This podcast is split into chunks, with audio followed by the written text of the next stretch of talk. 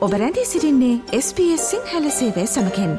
වැඩිතුර තොරතුර දැනැනීමට පිවිසන්න ps.com.ta/ Sinhala වෙපඩවයට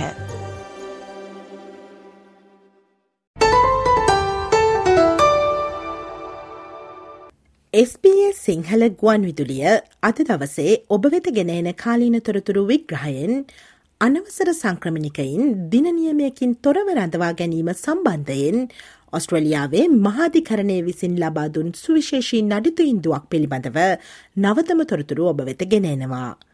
නුදුරේදීම ඔස්ට්‍රලියාවෙන් පිටුහල් කිරීමට සැබෑපේක්ෂාවක් නොමැති පුද්ගලයින් ඔස්ට්‍රලයානු මධ්‍යම රජය විසින් අනවසර සංක්‍රමණ රැඳවුන් මධ්‍යස්ථානවල දිනනියමයක් නොමැතිව රඳවා තබා ගැනීම නීතිවිරෝධී බව ඔස්ට්‍රලයානු මහාධිකරණය තීන්දු කොට තිබෙනවා.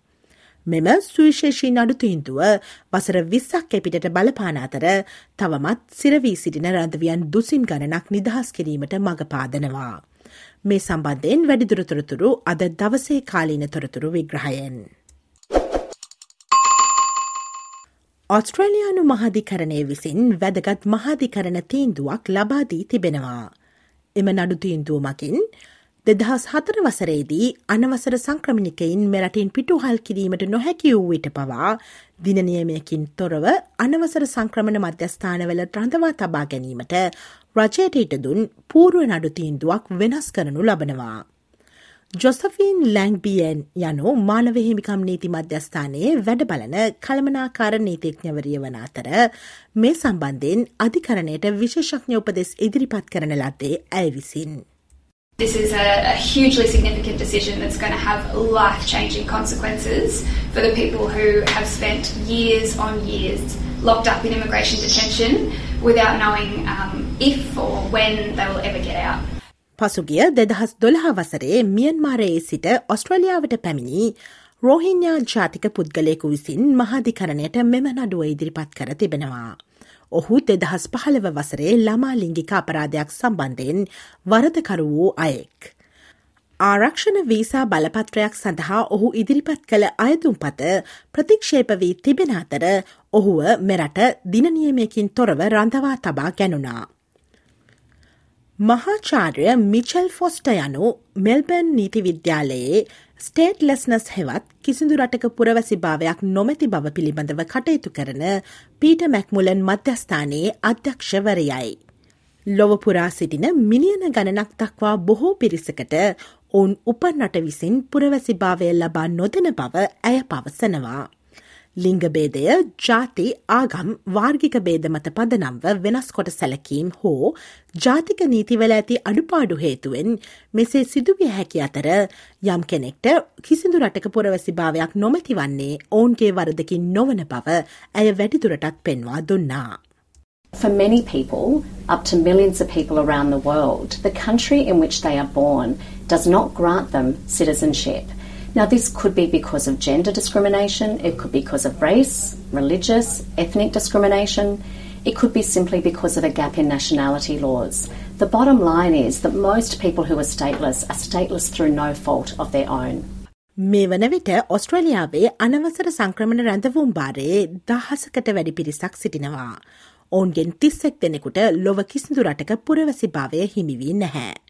මෙම නඩු විභාගයේදී සොලිසිට ජනරාල්වරයා විසින් අධිකරණයට කියා සිටියේ තම උපන්නටට ආපසු යාමට නොහැකි වූ රැඳවියන් අනු දෙදෙනෙකු ඔස්ට්‍රලියාවේ අනවසර සංක්‍රමණ මධ්‍යස්ථානවල සිටින අතර මෙම නඩු තීන්දුවෙන් පසුව ඔවුන්ව නිදහස් කිරීමට සිදුවනු ඇති බවයි.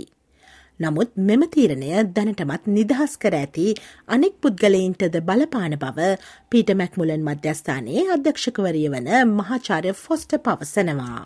It's certainly possible that this may give rise to claims for compensation on the basis that some people have been unlawfully detained in the past. රජය විසින් මෙම නඩිතුයින්දුව කල්ලතුව දැක වරදකරුවන් වූ අපරාධකරුවන් ප්‍රජාවට ඇතුළුවීම වැලැක්වීමට ක්‍රියා කළ යුතුව තිබූ බව ස්වදේශ කටයුතු පිළිබඳ විපක්ෂයේ ප්‍රකාශක ජේම්ස් පැටසන් පවසනවා. This was an outcome that was always foreseeable and possible. They should have had a plan B ready to go to introduce to the Senate today to make sure that those unlawful non-citizens were, could be uh, detained or otherwise uh, protected the Australian community from them. Pacific දූපත් සංසදය වෙත සිය සංචාරයේ යෙදී සිටියදී අග්‍රමාත්‍ය Anthony Albanese විසින් මෙම ගැටලුව මතු කරනු ලැබවා. නමුත් කවීන්ස්ලන්ත ප්‍රාන්තයේ සෙනට් සභික මරේ වොට් සහ විදේශ ඇමතිනී පෙනී වොං විසින් එම ගැටලුව සමතයකට පත් කරනු ලැබවා. මෙම අවස්ථාවේදී මෙම තීරණයෙන් පීඩාවට පත් වූ නිදහස ලැබූ එකම පුද්ගලයා මෙම විශේෂිත නඩු විභාගේ පැමිණිලිකරු පමණක් වන බවත් ඔහු දන්නා පරිදි එවැනි අපරාධවලට සම්බන්ධ වෙනත් කිසිවකු සමාජයට මුදාහර නැති බවත් වොට් කියා සිටියා. The only person who is affected by this decision, who has been released at this point in time, is the plaintiff in this particular decision.